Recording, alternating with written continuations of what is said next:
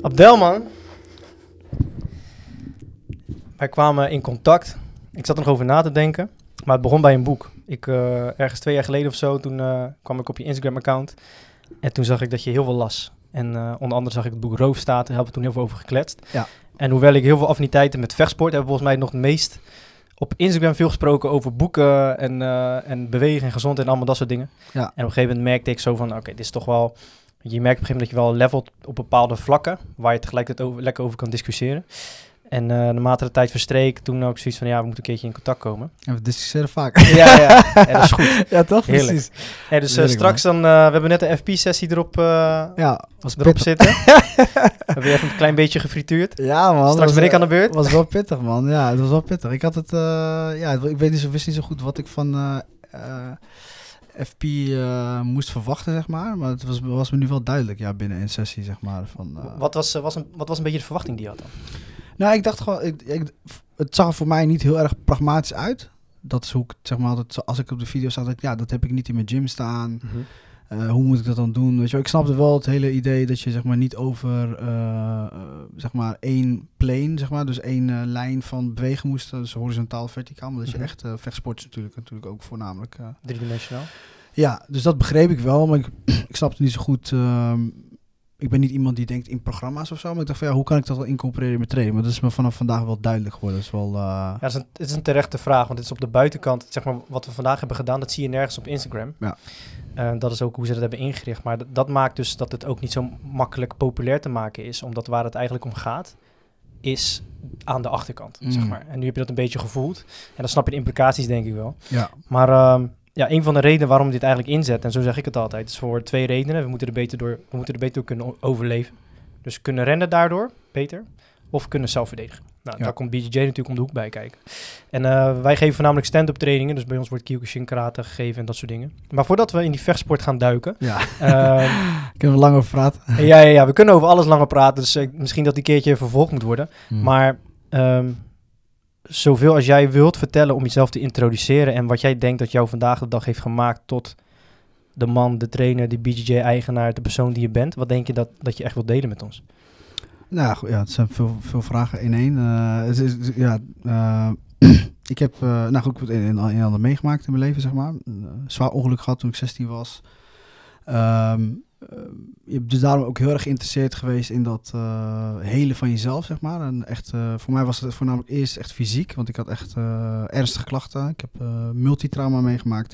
En je bent ook nog echt daadwerkelijk overleden, toch? Ja, op de operatietafel inderdaad, ja. En eh, nou goed, dat, eh, ja, daar voel je niks van. Hè? maar er is geen, eh, geen, eh, geen wit licht, er is geen, Nee. eh, dus het is, eh, het is niet zo spiritueel als dat eh, men denkt. Het is wel gewoon koud en kil natuurlijk. En, eh, eh, op zich, goed, nou goed, ik heb, ben moslim, dus ik geloof op zich wel in een eh, leven na de dood. Maar het is, het is niet, eh, ja, niet het, eh, laat ik het zo zeggen. Ik, had, ik heb het meegemaakt, ik heb het overleefd. Dus ik ben blij dat, dat, dat ik dat, dat heb meegemaakt. En dat geeft me natuurlijk wel weer een eh, tweede kans, boost Ja. in het leven. En eh, nou, ik geniet ook van het leven sowieso. En eh, van, van mijn dochter, van mijn vrouw. En van mijn studenten natuurlijk. Dus ik vind het heel erg leuk om te doen. En nou, dat is een interessant verhaal. Dus ik ben op een gegeven moment eerst in die hele wereld van zelfheling beland. revalidatie, want ik heb zes jaar gerevalideerd. Vier jaar echt in een revalidatiecentrum, de Hoogstraat in Utrecht. Ehm, en daarna ben ik eh, twee jaar eigenlijk in een TBS-kliniek beland. Eh, het is niet aangeboren hersenletselkliniek, maar er wonen TBS'ers, het wonen een beetje hele, ja, een beetje Oh, dat wist ik niet, joh. bizarre, eh, ja, bizarre tafereelen vinden daar plaats met mensen die, eh, die kleptomaan, pyromanen, ja, pedofielen natuurlijk. Die zijn natuurlijk het meest vervelend, vind ik dan. Hè? En jij zat daar om te herstellen van je trauma. En dan heb je gewoon een hoofd van de afdeling, dus een neuropsychiater. Daar kom je eigenlijk maar één keer in de week bij. En dan eh, ja, word je behandeld. En het is voornamelijk veel rust. Dat je niet aangeboren hersenletsel hebt. Want ik ben eigenlijk best wel eh, flink eh, door de lucht heen gelanceerd. Ik had zo'n half helmpje. Ja, toen brak die door twee omdat ik op de grond viel. Ehm, maar dat kwam pas later. Dus ik had eerst echt dat hele revalidatieherstel. En toen kwam ik niet meer verder. En op een gegeven moment kreeg ik hele rare klachten. Ik kon niet, eh, hoe zeg je dat, eh, een A4'tje lezen. Dat ik echt dacht, wat is dit? Ik begon gewoon met geheugenverlies te krijgen. Toen zei die arts van, eh, ja, dit is wel vreemd. En die had daar wel zo'n theorie voor. En die zei van, nou goed, weet je, dit is je lichaam eerst in overlevingsstand was. En nu is het, ja, weet het niet meer wat het moet doen. Dus Mhm. je hebt waarschijnlijk daardoor ja, wat klachten ontwikkeld op het gebied van korte termijn geheugen, et cetera. Dus ga met daarheen, kom tot rust, kijk wat ze voor je kunnen betekenen. Ja, ik heb er niet zoveel van gehad als ik eerlijk moet zijn, maar eh, eh, na twee jaar eh, ben ik, eh, ja, soort van, mocht ik naar huis. En dat was eigenlijk ja, twee jaar weggegooid van mijn leven, vond ik dan. Maar ik heb op zich nu wel veel aan gehad, ook tijdens COVID toevallig, weet je wel, met, ehm, hoe zeg je dat, leven in, in je eigen bubbel, zeg maar. Dus ik heb Maar je was wel- toen gedwongen om dat te doen natuurlijk. Precies, ja. Geen telefoon, geen internet, geen... Echt letterlijk midden in het bos in Den Dolder. heb ik wel veel aan gehad. Dus ik heb wel echt eh, veel tijd met mezelf gehad, na, na kunnen denken, et cetera. En dat heeft me wel gemaakt tot eh, de man die ik vandaag ben. Nou goed, en daar kwam toen BE bovenop. Was BJ, of je werk nu als leraar, eh, was dat ontstaan nadat je dat ongeluk had gehad? Ja, dus ik kwam uit, het, eh, uit de instelling. De Versalis kliniek in Den Dolder. Als mensen dat eh, interessant vinden. Maar volgens mij bestaat die kliniek. Dat is een hele slechte kliniek. eh, Oké. Ja, ze zijn gesloten als het goed is. Dus eh, ik heb wel veel gekke dingen gezien. Ik heb het verhaal ook gehoord van die jongen die best aan de ketting Mm, ja. in Nederland. ja, dus Ja, dat, ja. Soort, dat soort dingen gebeuren ook echt. in, is ook een beetje mensen in dwangbuizen voor lange periodes en dat soort dingen. Dus het is wel. eh, ja, er zijn mensen die hebben het helaas niet zo, niet zo goed in die wereld, zeg maar. Toen eruit gekomen en ben je toen meteen je gym gaan starten dan? Nee, nee, toen ben ik dus echt pas begonnen aan training. Dit was in 2013. Oké. Dus ik heb 2006 mijn ongeluk gehad en eh 2006 tot 2012 echt eh, vol in revalidatie geweest. En toen in 2013, ehm, ja, puur toeval. Eh, ik was toen voornamelijk wat ik voorheen altijd getraind, boksen, taekwondo. Toen kwam ik in aanraking met BE, heel gek, met een, gewoon een filmpje op internet. eh, klikte ik erop. Toen dacht ik, van, dat is interessant. En eh, toen kwam ik dus uit op een documentaire van de man die uiteindelijk de leraar van mijn leraar is geweest en ook nu mijn, mijn coach, dat is Rickson Gracie. Mhm. Nou, in die wereld wordt hij echt gezien als de Michael Jordan van het BEE. En ja, gek genoeg, ja, klik. Ja, en eh, dacht nou prachtig, ik google het. Simpel als dat. En eh Rickson Gracie Jiu-Jitsu. Kom uit mijn gym in Amsterdam. Eén mailtje gestuurd en nooit meer weggegaan. Dus ik ben... eh, en Maar ik je zat- bent ook nog steeds daar? Eh, ja, ik ben, mijn leraar is natuurlijk, blijft altijd mijn leraar. Mhm. Ik ga er één keer in de week. Ik heb nu, ben, ben heel erg druk. Mhm. Je weet, ik ben psycholoog in opleiding. En ik heb mijn eigen gym die ik moet runnen. Goed, allemaal andere dingen. Vader. Mhm.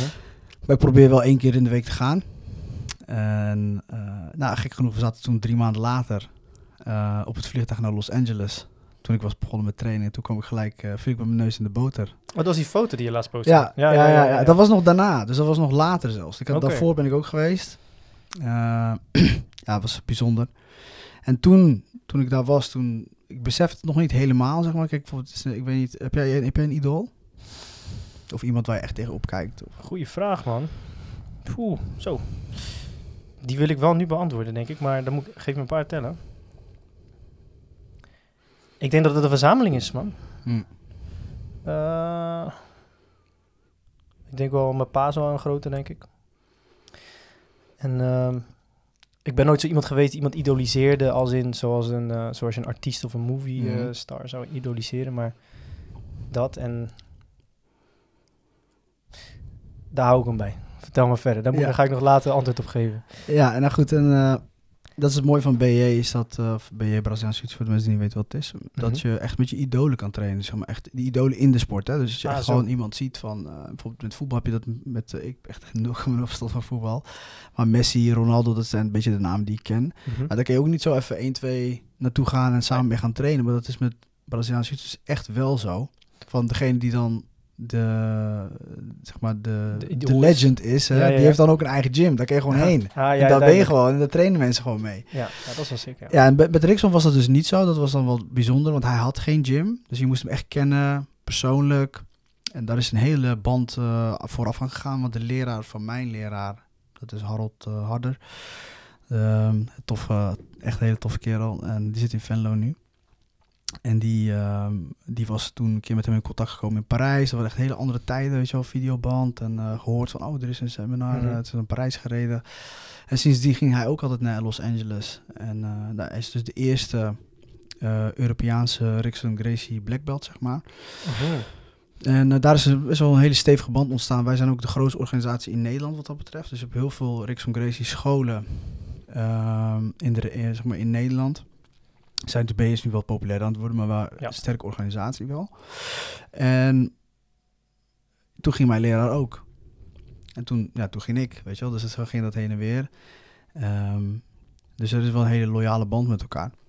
En hij is een beetje de Michael Jordan van de sport. En uh, toen ik daar was, ja, je beseft het niet helemaal. Want je, je doet pas drie maanden de sport. Mhm. Maar je voelt wel, het is echt een... Dit is echt een, uh, een persoon van statuur. Weet je, echt iemand die gewoon echt, als hij wat zegt, denkt, weet je, het is gewoon, de boodschap komt anders over, zeg maar. Ja. Grootmeesterachtig. Maar dan niet... Uh, niet uit de hoogte. Totaal niet. Als we seminar doen, dan wil hij altijd van iedereen de naam weten en zo. Het is heel uh, leuk om te zien hoe nederig hij is. Maar het is ook een beetje, hoe zeg je dat? Weet je, less bullshit, weet je wel. Je hebt van die grootmeesters waar je dan, uh, dan mag je niet eens tegen praten of mag geen vraag stellen.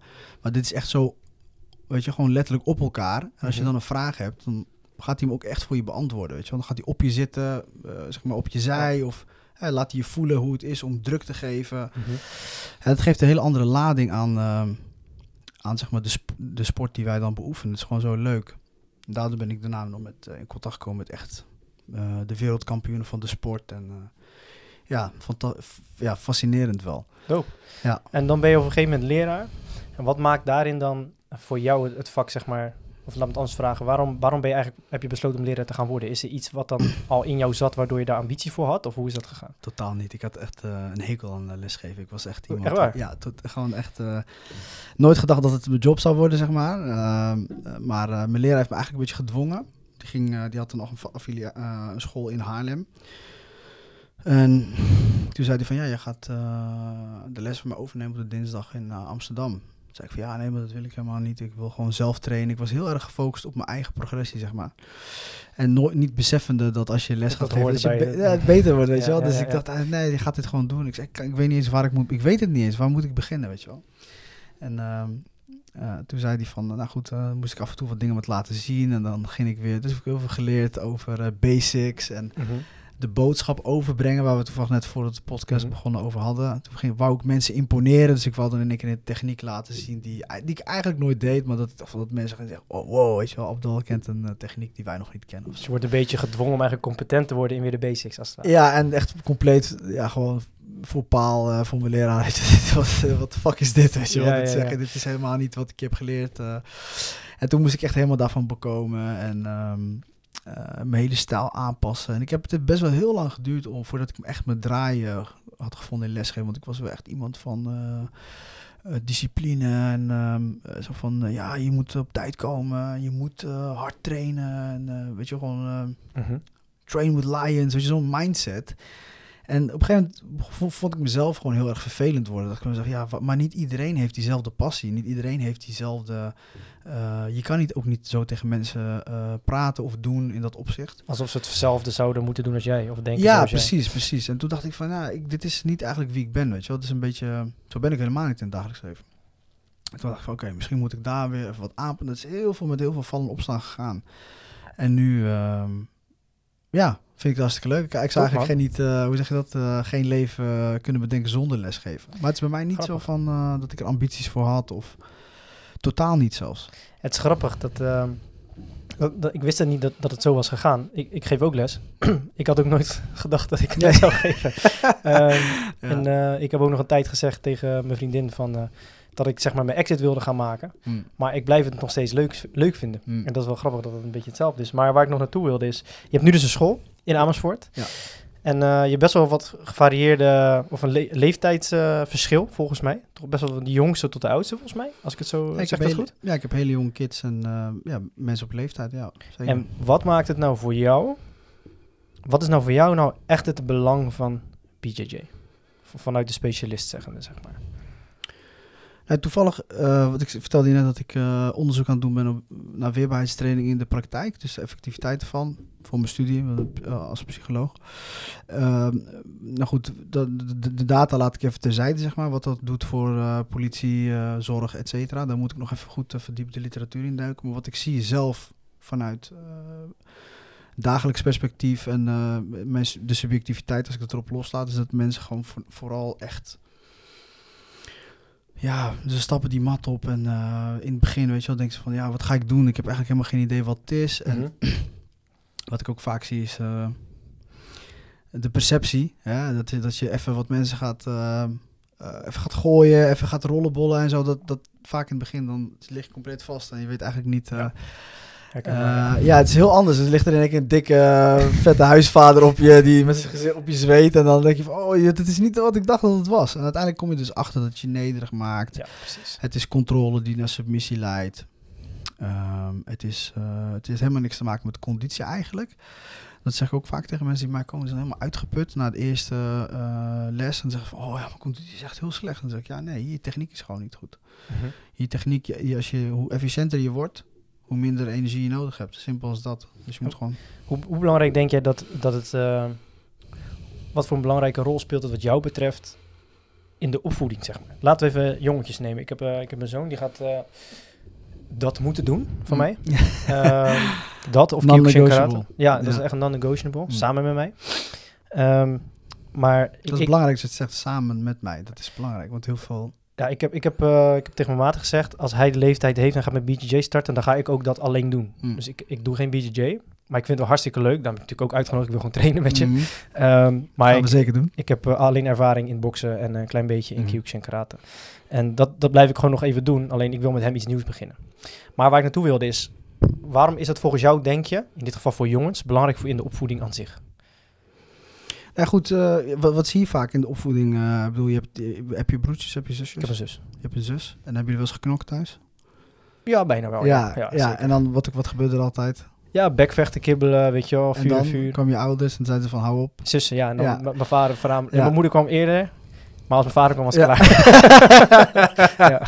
ja. Wij ook hoor, mijn moeder ook hoor, maar beide. Ja, nee, maar dat is inderdaad mooi dat je zegt, want we hebben het allemaal, ja goed, we komen altijd, altijd een gezin en uh, goed. En uh, uh, dus je weet hoe dat gaat, die dynamiek thuis. En uh, ik heb bijvoorbeeld, als ik neefjes uh, van mijn schoonzus dan op bezoek krijg, dat zijn twee, ja, flink, ja, 10, 12, vervelend. Mm -hmm. En dan gaan ze ook kibbelen en zo. En dan zeg ik van, hou eens op joh, dat, wat, wat van, ga, je nog, ga je nog wat doen? Of ja. zeg maar van, ik heb een mat hier, hè? kom dan gaan we de mat op. Ja, dan gaan we gewoon, en dan ineens denken we, nee, nee, nee, dat wil ik niet. En uh, je, je, lost confrontaties op die manier best wel snel op, zeg maar. Dus het dan wel... Uh... Ja, dat, dat, geloof ik, dat geloof ik echt heel erg. Want in mijn ervaring met de mensen die ik om me heen zie die levensgevaarlijk zijn...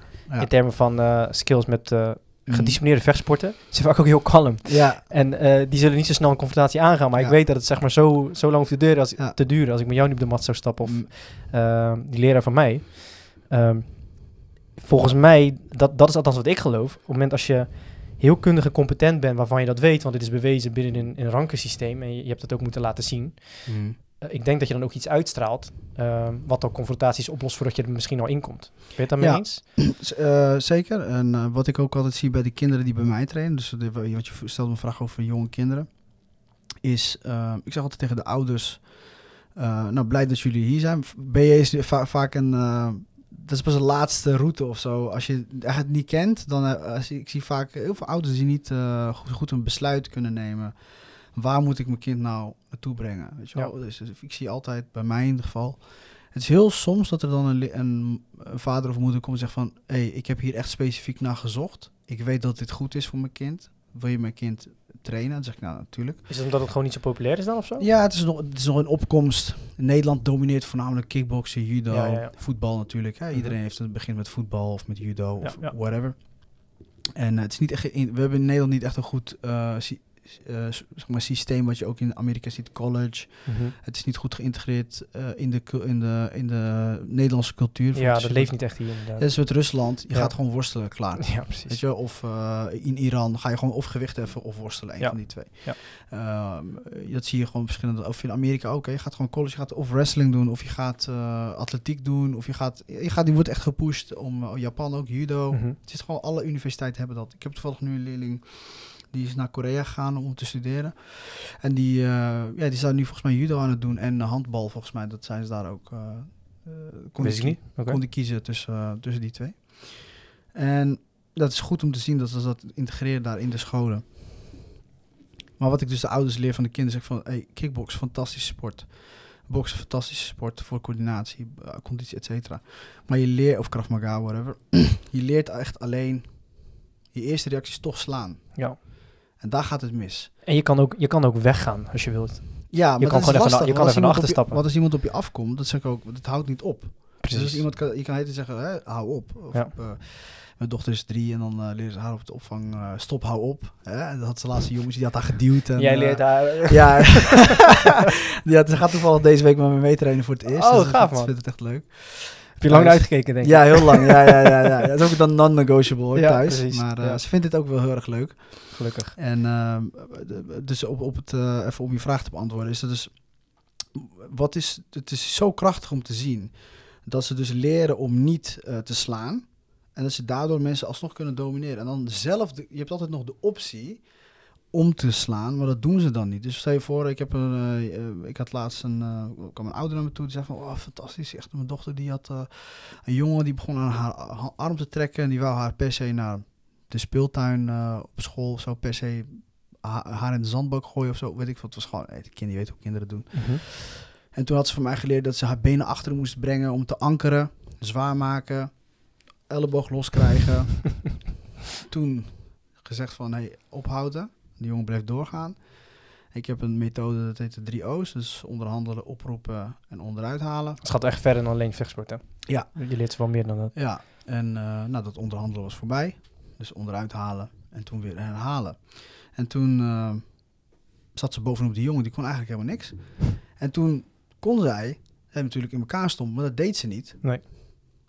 Want er is toch wel een soort van gevoel dat je denkt, hey, ik heb controle over hem, ik kan doen wat ik wil. En dan zie je toch, want je had het net voor de podcast over het goede van de mens. Mhm. En dan zie je toch wel dat je dat niet, eh, je wilt hem eigenlijk niet slaan. Nee, nee, nee. nee, nee. Dus dat, dat zie je heel erg bij die kinderen. En eh, daar zijn die ouders heel erg blij mee. Dus ik heb echt een hele grote kindergroepen. Dat is mooi, man. Dat is, echt, dat is echt heel mooi. Want nu snap ik wat je bedoelt met dat het een probleem is als je ze eerst le- leert slaan als, Ja. als zelfverdediging. Ja, Ja. want wat zeg je als ouder? Ik bedoel, je hebt een zo, je hebt, een- ik heb je zoon vandaag het eerst gezien. eh prachtige kerel. Eh kereltje. En eh, het doet pijn. Als je dus als hij naar school gaat, straks nou wordt geslagen, dan zeg je natuurlijk als ouder, ja, sla maar terug. Ja. Hè, want dan, eh, je moet Ja, van je afbijten. Zo heb ik het ook geleerd. Ja, precies. Het is, het, is, het is gewoon logisch. Je wilt je kind natuurlijk niet... Maar het hoeft niet zo, nee. Nee, het hoeft niet per se. Nou, en als, eh, ik ben natuurlijk biased hè, wat dat betreft, eh, wat ik natuurlijk die sport al zo lang doe. En Nou, ik ben het wel met je eens als je het onderbreekt, want het is toch ook een andere tijd tegenwoordig. Want ik maak me best wel druk. Ik, eh, ik heb best wel wat politieagenten bij ons in de praktijk. Mhm. En dan hoor je wel eens die verhalen over, over die jonge grappies van...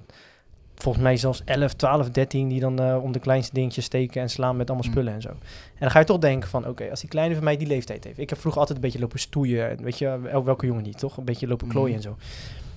En als je toch in zulke situaties komt, dan heb je, denk ik nu liever niet dat je denkt van, laten we maar gewoon even slaan. Want je weet niet hoe het tegenwoordig is met al die ge- gehersenspoede kids, om het zo te zeggen. Ja, taal is heel erg belangrijk.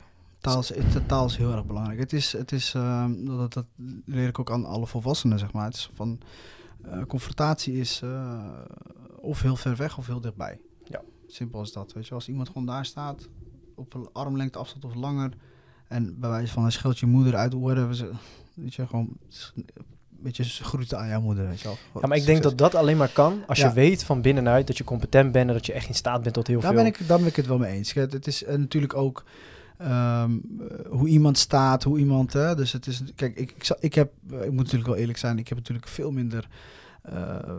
zeg maar problemen, omdat ik, ik best, best- ben een flinke kerel. en, Daarmee ga je ook een confrontatie zetten. Ja, snap je? Dus Ja. dan denken mensen van, oké, met hem wil ik geen ruzie. Maar bijvoorbeeld met iemand zoals jij, die wat kleiner is, oh, hem kan ik wel aan. Ja. Nou, en hoe mooi is het dan als je dan die skills hebt om Ja. iemand van je af te houden, om, om eh, iemand eh, neer te halen bijvoorbeeld, of om iemand gewoon... eh, verwerking heeft natuurlijk een hele slechte naam in Nederland, met, natuurlijk met... Nee, maar vooral om veel tools te hebben, man. Waar ik het net over had, hoe, Ja. hoe ik vroeger zeg maar wel eens tegen meerdere mensen moest knokken op straat als, als, als jonge gozer.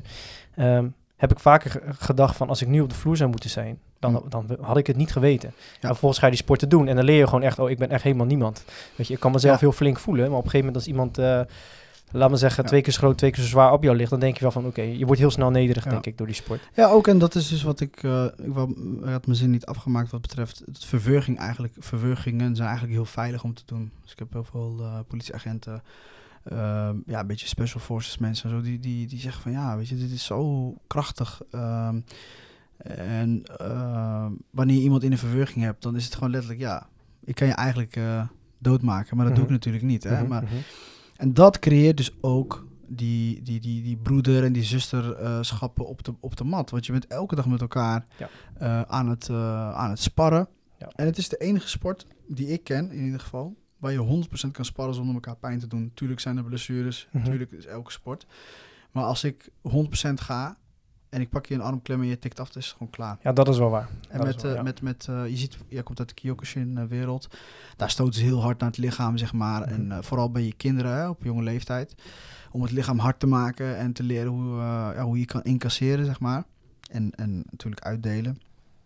Maar als je naar het hoofd gaat, wordt het gelijk heel anders. Klopt. Ja. Ik kan gewoon nooit hond. Ja, en dat is zo heel erg subjectief. Ik heb een jonge eh Tarek eh Osaro. Dat is een eh, nu oud-leerling van mij.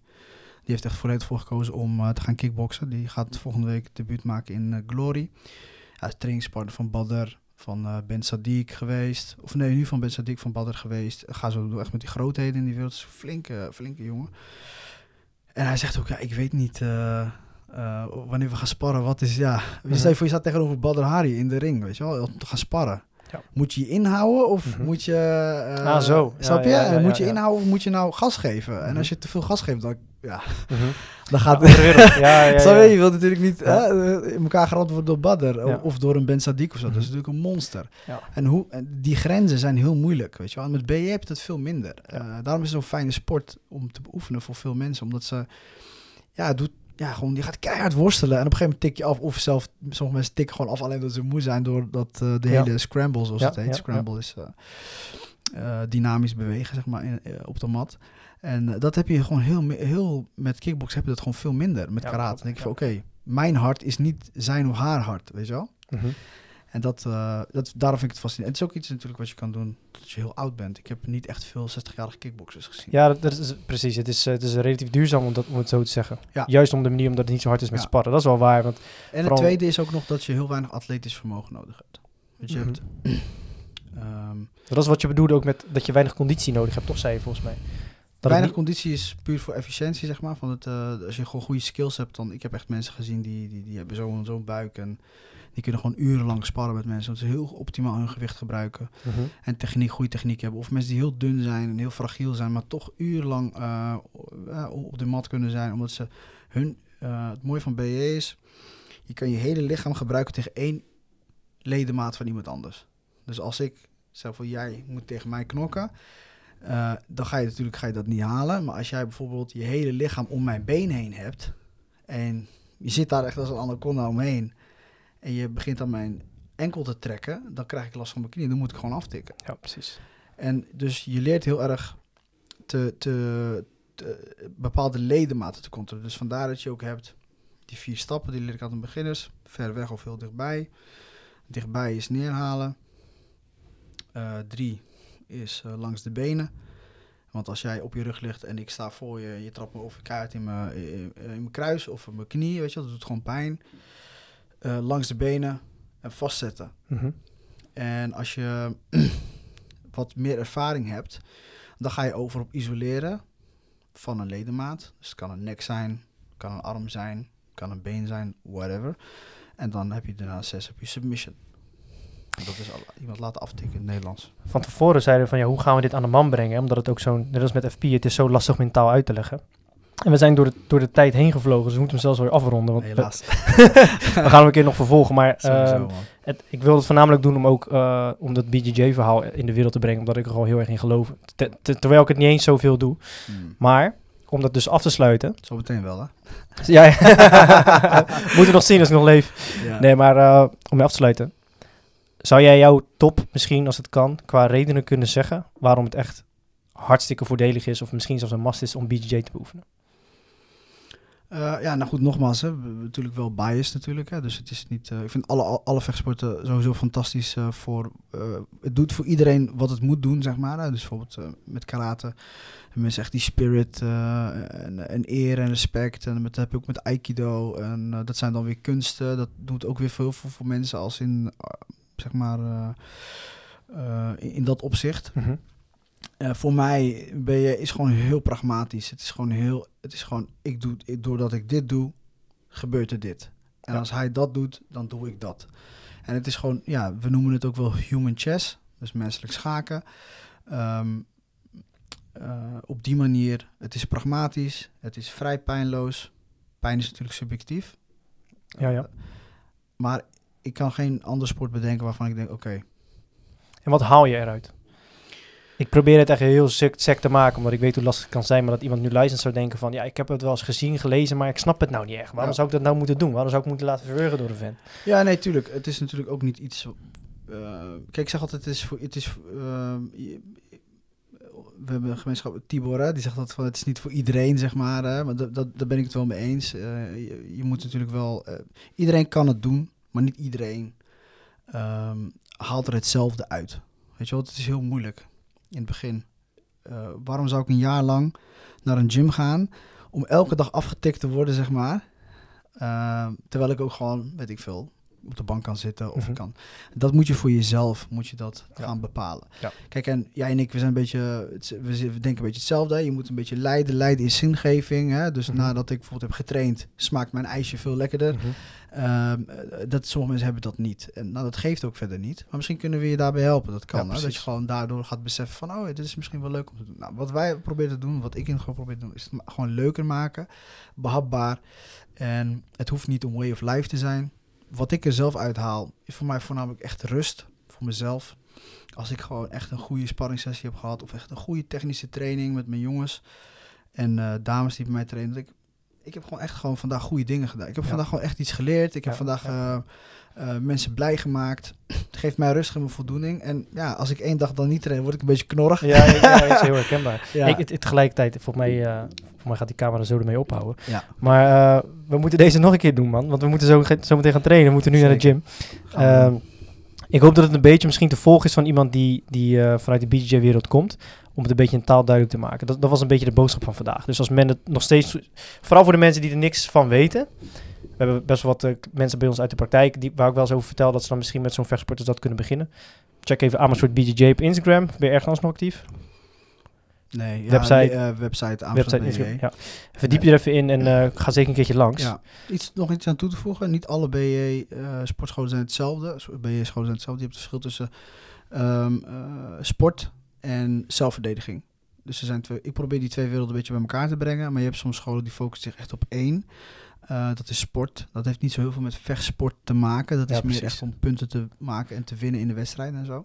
En Gracie Jiu-Jitsu, datgene waar ik dan vandaan kom, is, is echt eh, gewoon voor vechten Mhm. ge- ge- ge- gemaakt. Ja. En eh, zij zijn ook de bedenkers van UFC, MMA. Dus, eh, Oké, dat wist ja. ik niet, joh. ja, ja. Ik wist dat de, eer- de eerste partij was wel met... eh was het met Rixen dan? Eh, nee, het was uh, dat was zijn broertje. Oh, ja, ja, ja, ja. En Remco Pordoel uit Nederland heeft daar ook aan meegedaan. Wat Mhm. andere, eh, Gerard Cordo, die ken je misschien uit Ja, de ja. karatewereld. Ja, Ja. Ik, ik ben niet zo bekend met karatewereld hoor. Ik ben echt pas twee jaar in. Oké, maar ja, ja, ja. wel eens van gehoord, Ja, zeker. maar we hebben wel ja, Nederlanders die, waar, waar vechten zijn Nederlanders. Vaak wel, hè? die, ja, en Marokkanen toch ja, ook ja, ja, dat ook. Ja, dat is ook ja precies. Maar dus, dus ze hun hebben echt de UFC bedacht. UFC 1 komt echt van eh Horion Gracie, dat is dan de broer van Rick. Ze hebben allemaal een, een naam met een R. Heel leger Het van... is eh, eh, ja, heel leger van, van familie met mensen die geboren zijn om te vechten.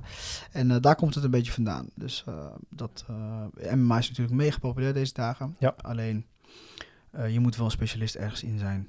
Ja, ik hoop dat dit soort type, hoe ik het dan noem, gedisciplineerde vechtsporten, zoals die jij beoefent, Ja. meer bekend worden, man. Omdat, ik denk dat het, en dat is misschien voor een volgende podcast, dat het in deze tijd ook wel nodig is. Ik wilde dat eigenlijk ook nog aansnijden, Komt goed doen. maar eh, ja, dat doen we de volgende keer. Ehm, ik denk dat we hierbij houden.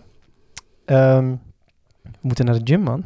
Dank We gaan we schuiven. Let's go. Let's go. Yo. Ja, dit soort